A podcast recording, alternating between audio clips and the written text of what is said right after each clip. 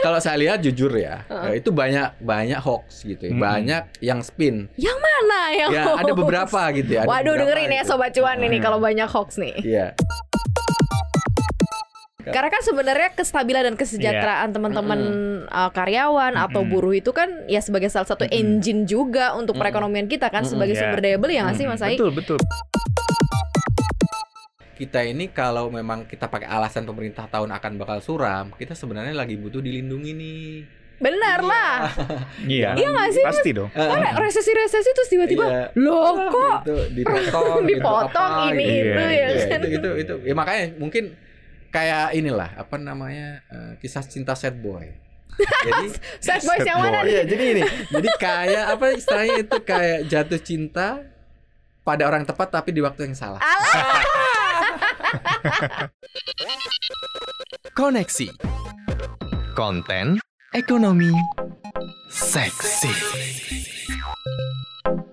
Halo Sobat Cuan, selamat datang di podcast Cuap Cuap Cuan. Selamat datang di tahun 2023 juga. Happy New Year Sobat Cuan Selamat datang dan selamat mendengarkan Hari ini koneksi konten Ekonomi. Seksi. Oke, coba bayangin hari ini Maria sama siapa coba Dari suaranya mungkin udah bisa ketebak kali ya Maria Katarina di sini bareng sama Mas Ma'aruf di sini. Mas Ma'aruf ini Head of Research CNBC Indonesia, bener ya Mas? Makasih. Karena udah lama aku tuh nggak ngomong ada head of research di sini. Waduh. Akhirnya hadirlah seorang head of Perdana. research.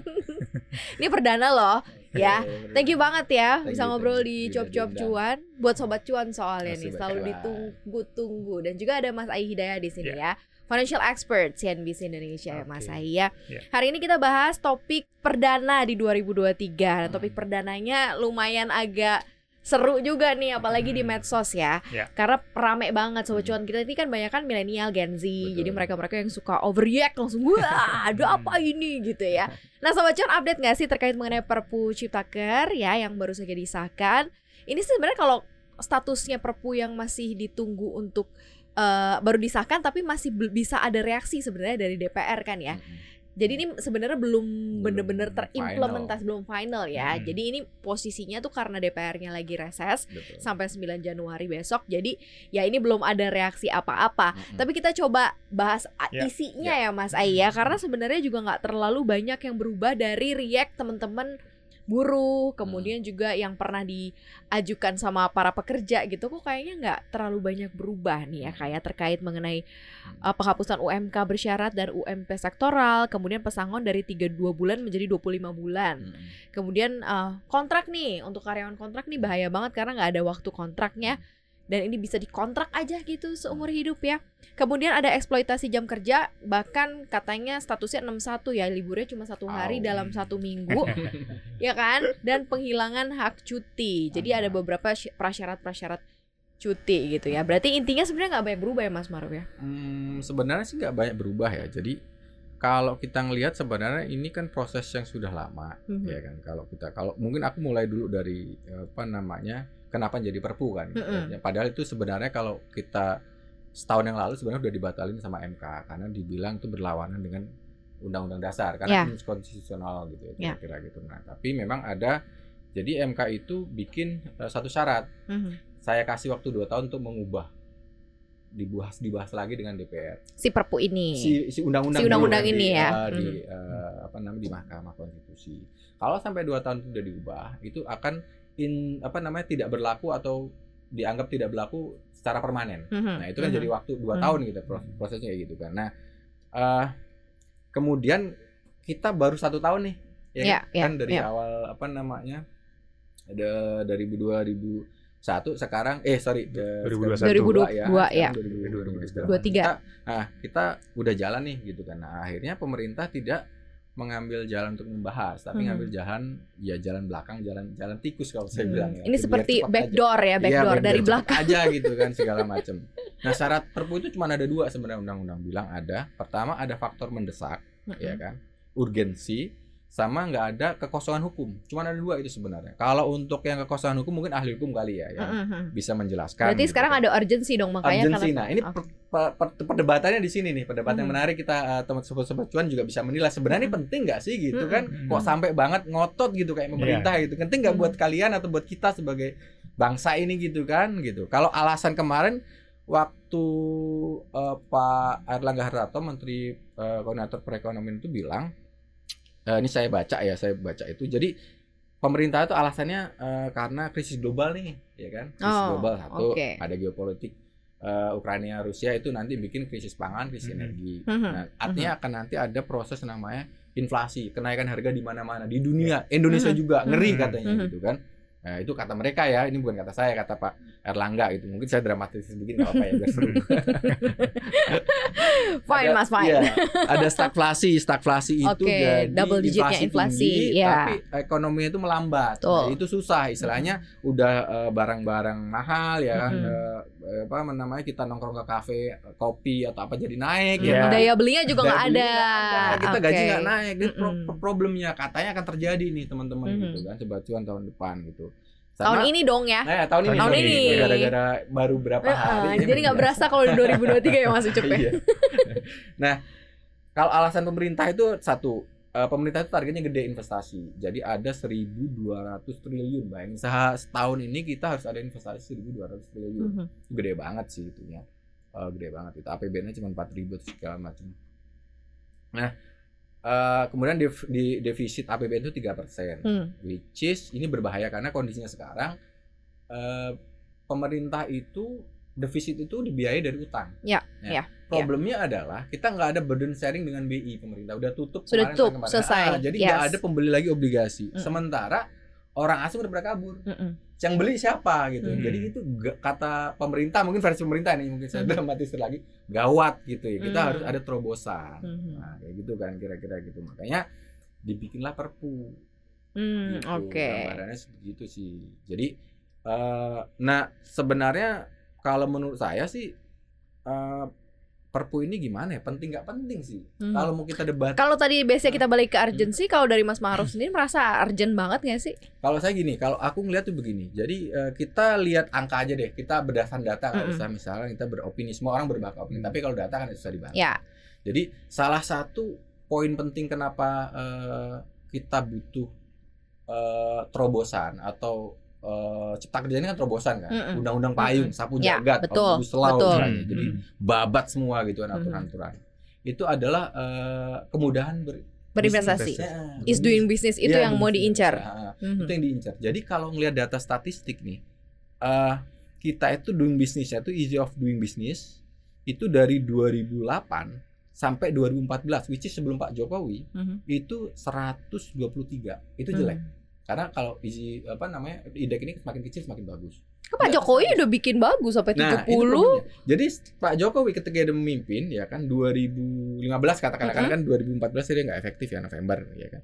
2015 sampai 2020 setelah di rata-rata itu 73. Hmm. Jauh dan turun Jauh. gitu. Dari ah, 2000 setelah dia itu naik itu 2015 106 menjadi 72. Tahun 2020 atau 2021 itu 173. Nah, itu udah bagus ya sebenarnya. Itu Mm-mm. nggak ada nggak ada omnibus law loh. Udah oke Mm. oke fine gitu dengan terobosan Pak Jokowi yang segala. Atau karena mau ngincar ke posisi 40. Nah, itu dia. Kayaknya Pak Jokowi memang tipikalnya ambisius. Ambisius, Iya, iya. iya. Kalau Mas Aing ngeliatnya kayak gimana sih kalau kita bicara mengenai urgency ya? Kalau tadi based on data, apakah keurgensian ini kemudian uh, sejalan dengan kesejahteraan masyarakat yang mau diincar juga gitu kan? Hmm. Karena beberapa kayaknya nggak terlalu pro kepada buruh kok Hmm. nampaknya. Hmm. Kalau aku ngeliatnya gitu sih Hmm. gitu. Kalau Iya. Mas gimana? Ya kalau benar kata Mas Ma'ruf tadi ya, kalau dari sisi pemerintah kan memang ada urgensi yang dilihat Hmm. gitu. Tapi kan memang penafsiran urgensi mungkin dari berbagai pihak bisa beda-beda nih. Dari pemerintah seperti itu, mungkin dari kalangan pekerja mungkin enggak juga gitu. Mhm, mhm. Tapi kalau tadi eh, Mbak Maria bilang bahas eh, beberapa poin ya yang ada di Perpu atau di Undang-Undang Cipta Kerja itu yang kesannya kayaknya merugikan karyawan gitu ya Hmm. atau merugikan buruh. Kalau aku dengar-dengar juga dari eh, behalf eh, pemerintah gitu ya dan eh, beberapa orang ternyata itu sifatnya masih opsional Hmm, gitu. mhm, Jadi eh, si perusahaan itu dan si karyawan bisa berdiskusi Mm-mm. gitu. Kayak Betul. contoh Oh, misalkan yang libur masih- satu hari Oke, gitu ya perusahaan dalam berarti punya seminggu. internal Ya, apa namanya gitu. kebijakan sendiri Kebijakan ya. sendiri. Iya. Jadi ruang ya. diskusinya tetap dibuka gitu. Jadi nggak saklek harus mengikuti undang-undang itu gitu Mhm. ya. Ter- termasuk juga mungkin terkait eh, upah dan lain sebagainya gitu ya. Jadi memang ruang untuk berdiskusinya eh, berdiskusinya tetap dibuka gitu. Mhm. Jadi eh, walaupun ada undang-undang yang menetapkan seperti itu, tapi kalau misalkan eh, si perusahaan atau pemberi kerja dengan buruhnya sepakat untuk tidak mengikuti, eh, istilahnya masih tetap dengan berlaku yang lama, itu fine-fine aja. Fine-fine. Jadi Mhm. sebenarnya sih eh, dua-duanya bisa dapat win-win solution gitu. Jadi eh, pemerintah mungkin dengan agendanya untuk menggenjot bisnis dan investasi Mhm. mungkin bisa dapat, tapi buruhnya juga nggak dirugikan gitu. Karena memang sifatnya nggak mengikat gitu. Jadi buruh juga bisa memperjuangkan haknya juga gitu. Kalau memang merasa itu istilahnya nggak nggak bagus buat dia gitu ya, eh, ruang diskusinya masih dimungkinkan untuk terbuka gitu. Mhm. Jadi gitu sih yang kalau aku lihat ya Mbak Maria. Jadi Cuman kan karena ini bentuknya ada Mm-mm. peraturan kan, Mm-mm. apalagi kalau misalnya disahkan jadi undang-undang, bisa jadi ya perusahaan akan mengacunya kan ke sana. Apalagi ini kan Hmm, terkait iya. mengenai kontrak masa kontrak gitu kan. Kalau misalnya nggak ada kejelasan di kontrak seumur hidup ya Hmm. gimana gitu. Tapi aku mungkin be- uh, ingin beberapa klarifikasi ya, Hmm. bukan klarifikasi. Saya kan nggak tidak dalam posisi klarifikasi ya sebenarnya. Cuman kalau saya Kayak kamu yang ada yang lihat- menjadi jubirnya Ah, pemerintah iya kan? juga mas. ya. Jadi kalau saya lihat jujur ya, eh, itu banyak banyak hoax gitu, ya. Mm-mm. banyak yang spin. Mana yang Ya ada hoax? beberapa gitu ya. ada Waduh dengerin ya gitu. sobat cuan ini Hmm. kalau banyak hoax nih. Iya. Jadi misalkan nih contoh gitu. Karena ini ter, eh, apa namanya terjadi karena buat legis eh, pem- proses legislasinya sangat buruk. Hmm. Itu banyak banget ratusan eh, undang-undang dibabat jadi satu dalam tempo yang singkat. Sehingga Hmm. ini ini beberapa contoh deh misalkan gini. Misalkan kayak eh, libu- eh, jam kerja. Mm-mm. Jam kerja itu sebenarnya ada dua sistemnya. Ya, ada dua. Kalau kerjanya eh, per hari 7 jam, Mm-mm. ya kan eh, 7 jam itu memang eh Sabtu Sabtu wajib ma- boleh masuk ya Setengah Eh, hari iya, gitu. bukan pokoknya dia kerjanya Atau wajib itu masuk. 6, ha, 6 hari Oh gitu. hari. Kalau Tapi, seharinya eh, kalau tujuh- jam. jam tapi kalau kerja di atas 8 jam itu eh, dua hari liburnya memang ada dua opsi di situ Berarti perhitungannya berapa 40 jam per minggu gitu Iya, ya jadi hitungannya itu ya. opsi yang bisa dipakai sama pengusaha. Problemnya adalah di undang-undang, ya kan, itu cuma dicantumin satu. Iya. Biasanya kita bukan baca Hmm. undang-undang, tapi nggak baca PP-nya. Iya, PP-nya benar. udah jelas. Ini, ini kebiasaan kita ya, nggak baca detailnya. Iya, iya, iya, Jadi iya. padahal ada dua opsi, terserah mau pakai yang mana. Bener kata Mas Ai tadi, memang itu banyak banget undang-undang itu ngasih fleksibilitas. Hmm. Karena memang semangatnya adalah regulasi kita ini kaku. Mm-mm. Nah, kayak pemerintah pengen dibuat agak lentur. Mm-mm. Tapi memang ada beberapa catatan ini kalau secara overall memang melemahkan, bukan melemahkan ya, mengurangi, mengurangi kenyamanan atau hak-hak buruh. Mm, Gitu. Ada banyak banget pasal gitu. Misalkan kayak kontrak seumur hidup itu enggak itu ada batasannya. Jadi batasan itu 10 tahun. lima tahun pertama kontrak Mhm. bisa diperpanjang lima tahun lagi. Jadi ada nggak harus apa namanya? Seumur 10 hidup tahun. enggak itu nggak ada. Itu ada itu aturan yang hoax banget gitu kan. Nggak nggak ada gitu. Terus kayak misalkan penghapusan apa namanya yang dihapuskan itu kalau nggak salah saya udah baca ya undang-undangnya itu kalau nggak salah di PP 36 tahun 2021 yang dihapuskan itu yang sektoral aja. Tapi kita tetap eh, mengacu eh, pengusaha harus mengacu tetap UMK sama UMP Hmm. Mm. problemnya adalah begini kenapa yang ribut partai buruh itu atau orang-orang apa, aktivis buruh itu adalah karena jumlah eh, nilai dari eh, upah minimum sektoral itu biasanya lebih, Lebih tinggi, lebih gede. daripada iya daripada UMK dan UMP makanya pada ribut karena itulah gitu dan itu yang Hmm, dihapus hmm, hmm, itu hmm, itu hmm, yang hmm. Yang eh, apa namanya sama ada saya ada beberapa catatan misalkan kayak hak cuti betul ya ada beberapa dikurangi tapi banyak banget di situ dan Hmm. memang bentuknya fleksibel itu eh, Hmm. kontrak kerja segala macem Hmm. kemudian kayak tadi udah eksploitasi jam kerja tadi Iya, udah iya, terbantahkan iya. ada dua opsi silahkan Iya. pilih Mm, gitu kan. Sama sekarang boleh katanya nikah eh, sama teman kantor juga nggak apa-apa katanya. asal jangan sekantor Banyak temen kantor tapi Iya, jangan sekantor iya, jangan gimana? sekantor itu bahaya mbak diksinya ya bahaya ya gitu ya Sekantor. Iya kalau sekantor ya, Kalau kalau dulu kan kalau misalnya satu kantor kan harus Mm-mm, satu ada yang resign ya, kan. betul. Tapi sekarang katanya nggak apa-apa gitu ya Mas ya. Iya benar. Sekarang nggak apa-apa karena itu eh, hak azazi gitu. Iya. Hmm. Tapi in overall sebenarnya begini. Ada kalau bahasa yang agak eh, beratnya ya orang itu ada liberalisasi di sini. Prosesnya ada. Jadi eh, undang-undang tenaga kerja itu yang paling banyak disorot sebenarnya. Itu adalah eh, warisannya Bu Megawati. Ya betul, Ya, betul. kan? Kemudian di mm-mm. dan dan mengubah itu susah sekali. Hmm. Karena itu udah jadi udah jadi hukum dan itu udah eh, Soalnya udah jadi undang-undang juga. Mm, dan itu memang banyak ben- benar-benar menguntungin buruh eh, secara politis segala mhm. macam ini kan.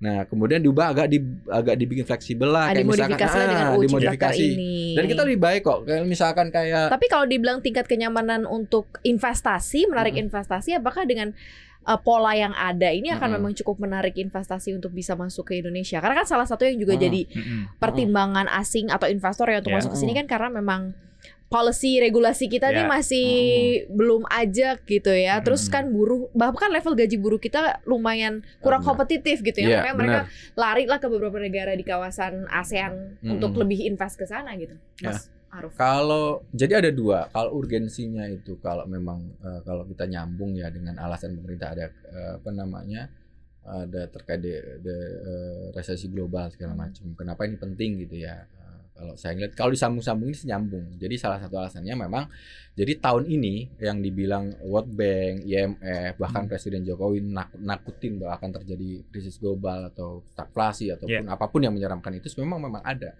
Ya. Hmm. Salah satunya adalah tren pengetatan likuiditas. Hmm. Jadi tidak ada lagi uh, uang murah. Tidak Ya. ada lagi kayak dulu uh, in- apa namanya investasi asing masuk banyak segala macam. Hmm. Karena sekarang itu eranya flight to quality. Oke. Jadi uh, aset-aset tuh pada pada pergi ke yang bisa ngasih return yang tinggi Hmm. gitu. Ini memang uang itu nggak ada agamanya, nggak ada negaranya. Nggak ada temennya? Iya nggak ada temennya. Temennya satu-satunya itu adalah suku bunga. Iya, Siapa iya, yang ngasih bisa suku bunga tinggi, dia akan Barulah saya ke sana Iya, gitu dia ya. ke sana. Dasar. gitu. Ya, jadi dia lari ke Amerika Serikat. Di Amerika Serikat itu selain naikin suku bunga, pemerintahnya juga jual obligasi. Hmm. Jadi jual obligasi narik apa? Dolarnya ditarik. Seluruh dunia narik sana. Dan itu bukan hanya Indonesia. Artinya apa? Memang ada kesulitan masalah likuiditas. Itu yang mengakibatkan APBN ini juga akan agak berbahaya gitu kalau memang tidak ada yang bisa membiayain gitu ya Mhm, kira-kira. mhm. Kemudian yang kedua, eh, likuiditas atau sulitnya dana itu juga terjadi di sektor real. Jadi ada tren yang ini dari Bapak Kiamat Mhm. eh, Naurel Robini ya, yang, yang pernah memprediksi krisis dan benar ya, Sudah terjadi. terjadi. Ah, ah, Iya. 2008 dulu kan di Amerika itu memang benar gitu bahwa ada tren pulang kampung eh, investor global. Hmm. Mhm, mhm, Eh, namanya itu apa istilahnya itu? Reshoring of industry. mhm. Jadi ini terjadi karena ada praktek perang dagang dulu kan Amerika sama Cina perang tuh Iya. ya kan. Huawei di disusah-susahin deh bisnisnya segala macem ya kan. Dia bisnis Amerika yang di Cina juga disusah-susahin akibatnya mengambek Hmm. pada balik udah deh gue Hmm. balik aja deh Hmm. gitu itu yang terjadi artinya apa ada fenomena uang itu balik orang-orang perusahaan-perusahaan multinasional itu mengembalikan uangnya investasinya ke negaranya masing-masing karena Oke. merasa ah, nah Karena ada situasional tertentu kan yang menyebabkan. gitu jadi Nah sekarang dana- sebenarnya UU Ciptaker ini bisa jadi sweeteners atau pemanis buat Exactly. Indonesia nggak? itu butuhnya Jadi Karena- ada gula-gula gitu Ah, ini. jadi memang lagi kering ya memang kita butuh itu cuman ini yang debat-debat juga pemerintah kan bilang ya kan ada krisis global Mhm. ya kan sehingga kita butuh udah eh, apa undang-undang ini tapi coba pemerintah bilang juga kita baik-baik aja loh kita akan tumbuh 5% jadi gimana dong Gimana dong? gimana Makanya. dong katanya baik-baik aja ya kan tapi kok butuh katanya genting ini kita bingung jadinya kan itu mau saya debatable-nya gitu Mhm. kira-kira gitu kan Karena kan sebenarnya kestabilan dan kesejahteraan teman-teman uh, karyawan atau Mm-mm. buruh itu kan ya sebagai salah satu Mm-mm. engine juga untuk Mm-mm. perekonomian kita kan Mm-mm. sebagai Ya. sumber daya beli ya nggak sih Hmm, Mas Ai? Betul, betul. Kalau seandainya ini agak digoyang-goyang terus mereka kemudian riak harus demo harus apa kan jadi kerjanya jadi nggak produktif kan? Betul. Bener nggak sih? Larinya ke Iya, situ. Iya, iya. Gimana, Mas Iya, ke- Iya, isinya intinya adalah semuanya harus merasa diuntungkan ya, termasuk Hmm. eh, di sisi dari karyawannya juga gitu. Kalau merekanya juga jadi kayak demo, mogok kerja dan lain sebagainya, malah jadi apa yang sudah direncanakan itu malah nggak bisa berjalan kan. Ya, ya, ya. Jangankan untuk meningkatkan tingkat kemudahan berbisnis, gitu. jangan-jangan bisnis malah nggak jalan gitu. Kalau misalkan yang di bawahnya ini para pekerjanya ya. mogok massal gitu Hmm. kan. Nah itu juga mungkin kalau eh, aku melihat sih beberapa waktu belakangan dulu kan pernah Pak Jokowi bilang gitu ya. Kok ini pabrik-pabrik, industri-industri kok pada pindah gitu ya Hmm. ke Vietnam Hmm. gitu Hmm. atau ke Thailand. Ini Hmm. kenapa nih? Mungkin itu juga menjadi suatu kekhawatiran kali ya dari si pemerintah ini kalau nggak membuat sesuatu, jangan-jangan Indonesia bakal ngedrop banget nih Hmm. gitu ya Hmm. investasinya, tingkat kemudahan berbisnisnya. Makanya mungkin itu juga kali ya alasannya eh, buru-buru dikeluarkan Perpu ini gitu. Tapi eh, aku sih yakin ya intinya pemerintah juga harus memikirkan eh, rakyatnya juga lah, istilahnya karyawan atau buruhnya juga. Karena ini juga termasuk dalam ekosistem yang harus dijaga juga kan si Mm-mm, buruh ini jangan sampai malah eh, nanti malah apa yang sudah direncanakan ini malah jadi buyar gitu kan. Iya. Ya betul betul Tujuannya betul betul. meningkatkan bisnis malah jadi bisnisnya nggak jalan gitu. Jadi memang ya memang nggak mudah sih dari sisi Iya. pemerintah nggak mudah Iya. gitu. Iya. Bagaimana dia bisa eh, memberikan keuntungan buat semua pihak gitu ya. Hmm. Sehingga ekosistem ini bisa berjalan gitu ya Mbak Maria. Berarti gitu kalau sih. gitu message-nya untuk para buruh ini kan sebuah rules ya peraturan Mm-mm. atau uh, mekanisme yang dibikin oleh pemerintah ya. Kita kan sebagai pekerja mungkin apa sih yang harus ditambah gitu? Mungkin lebih lebih bisa meningkatkan skill sehingga lebih diperhitungkan atau apa gitu supaya kayaknya Hmm. emang peraturannya kayak apa ya enggak lah gue tetap punya nilai tambah kok value gue ada Hmm. gitu. Perlu gak sih itu menjadi menjadi salah satu sorotan juga buat para pekerja? Eh, kalau dari sisi pekerja ini perlu karena memang tadi eh, dibilang Mas Ai bahwa Hmm. ini undang-undang ini memang luas ya Hmm. fleksibel gitu ya. Jadi membuat pasar tenaga kerja kita itu memang fleksibel. Jadi Hmm. ada proses negosiasi. Pemerintah istilahnya aku nggak mau ikut campur deh. Hmm. Kalian aja deh. Kalau Kamu deh ngomong ah, sama- kamu ngomong Ya. sama ininya deh. Kamu butuhnya apa Hmm. segala macam. Artinya apa di situ butuh kompetensi. Hmm. Jadi memang tiap individu di kita skillnya harus dinaikin ya. Pemerintah kasih stimulan sih Mm-mm. Eh, kayak kemarin prakerja ya kan ada prakerja mm-mm. itu itu stimulan itu bentuk dari pemerintah juga bertanggung jawab untuk meningkatkan kapasitas atau skill dari Skill, ya. pekerja. Hmm. Cuman apa mau sebatas itu aja ya Iya. kan? Sekarang kan banyak banget kan ya kita bisa belajar dari medsos, dari YouTube, dari apa segala macam ya Mm-mm. banyak banget tempat kita bisa belajar sebenarnya karena Mm. memang itu butuh. Dan dan sekarang itu trennya itu era orang nyari skill gitu. Hmm, Skill ya, bukan iya. bukan skill. Beda. benar beda jadi memang itu itu itu itu pesan penting dari adanya ini jadi kita ini juga sebagai ancang-ancang kita mau pasar bebas untuk Mm-mm. tenaga kerja di ASEAN. Benar sih, Ya, iya. Itu itu karena Iya, kalau kita nggak iya. siap-siap, kita selalu minta dinina bobokan sama pemerintah. Aku dilindungi, dilindungi, Mm-mm. dilindungi. Kita nggak akan bisa berkembang. Iya. Berarti Kita- bisa dengan kata lain kita sebenarnya udah terlalu lama terlena Iya, gitu. Dan itu juga Dengan- nggak bagus sebenarnya. ah, hmm, gitu. hmm, Beberapa itu itu jadi refleksi lah gitu ya. Artinya ya kita sama-sama deh gitu. Meskipun ya kalau menurut saya anu- undang-undang ini karena dibuat sangat cepat, banyak banget cap cacatnya. Hmm. Banyak banget cacat. Makanya kenapa sekali di diuji materi langsung dar Ditolak. kalah. gitu. Karena memang banyak banget bolongnya gitu. Hmm. Tapi niatnya bagus, tapi cara enggak saya nggak tahu ya cara Berarti berarti next ini uh, masih ada akan kelanjutannya lagi untuk bisa naik menjadi UU berarti ya Mas ya? Iya, jadi proses undang proses Perpu itu kan memang kalau untuk berjalan harus di eh, me- me- apa namanya persetujuan DPR dan nanti jadi undang-undang. Mhm. Ya, jadi eh, bahkan sebenarnya gini yang uniknya, sebelum menjadi undang-undang pun itu bisa diuji materikan di MK. Lagi dites Ah, lagi. jadi bahkan sebelum di diketok lagi itu ka- karena memang di dasar eh, hukumnya itu memang MK cuman bisa menguji material undang-undang, tapi sejak tahun 2029 2029 Mm-mm.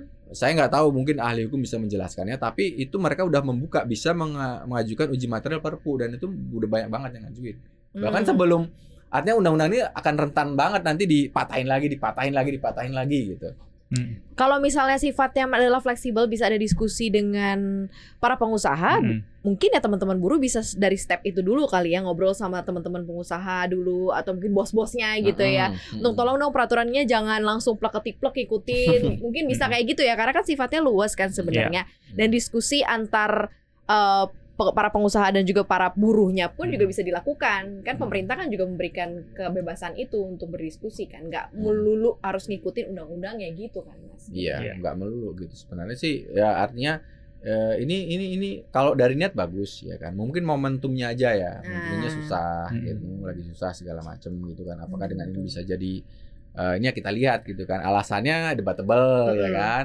Eh, ya ada kadang benar, ada yang salah. Cuman masalahnya kan kita ini kalau memang kita pakai alasan pemerintah tahun akan bakal suram, kita sebenarnya lagi butuh dilindungi nih. Benar lah. Iya. Iya nggak sih? Pasti dong. Kan resesi-resesi terus tiba-tiba Iya. loh kok gitu, dipotong, gitu, dipotong apa, ini gitu. itu Iya, ya Iya, kan. itu itu itu ya makanya mungkin kayak inilah apa namanya eh, kisah cinta sad boy jadi Sad Sad yang mana boy. nih? iya jadi ini jadi kayak apa istilahnya itu kayak jatuh cinta pada orang tepat tapi di waktu yang salah Alah. Ini kayak kuat penutup untuk koneksi hari ini ya. Sobat cuan artinya kita berdiskusi mengajak sobat cuan juga untuk lebih terbuka. Hmm. Kadang memang yang muncul di pemberitaan di medsos atau Hmm. mungkin berita-berita secara keseluruhan ya hanya di dasarnya aja, Di permukaan aja, permukaan betul. doang. Jadi Hmm. sebenarnya sobat cuan harus baca. Bahkan kalau penasaran ya bisa dicek juga isinya apa sih Hmm. gitu ya. Sebelum kemudian react berlebihan. Betul. Ya, apalagi terus kemudian harus turun ke jalan gitu ya teman-teman. Hmm. Karena semua peraturan ataupun undang-undang yang dibentuk atau dibikin oleh pemerintah semuanya akan mengacu kepada dua belah pihak ya, Ya. Ya. pro pada usaha, Hmm. kemudian juga pro juga kepada Hmm. kesejahteraan Yes. pekerjanya. Gitu Hmm. sih sobat cuan ya. Kayak kita hadirkan diskusi ini buat sobat cuan. Kita bahas apa lagi nih minggu depan sobat cuan? Langsung aja tulis di kolom komentar. Terima kasih banget udah dengerin kita Ya, bertiga hari ini. Formasi ini seru banget. Mas Ucup harus sering-sering loh. Soalnya kan sobat cuan bakal nagih terus nih ya. Jangan lupa untuk dengerin kita terus di Apple Podcast, Google Podcast, Spotify dan juga Anchor. Follow akun Instagram kita di @cuap underscore cuan. Subscribe YouTube channel kita di cuap cuap cuan, di like, di share, di komen ya sobat cuan. Dan podcast kita hari ini juga tayang di CNBC Indonesia TV. Terima kasih sobat cuan. Kita bertiga pamit ya. Dadah.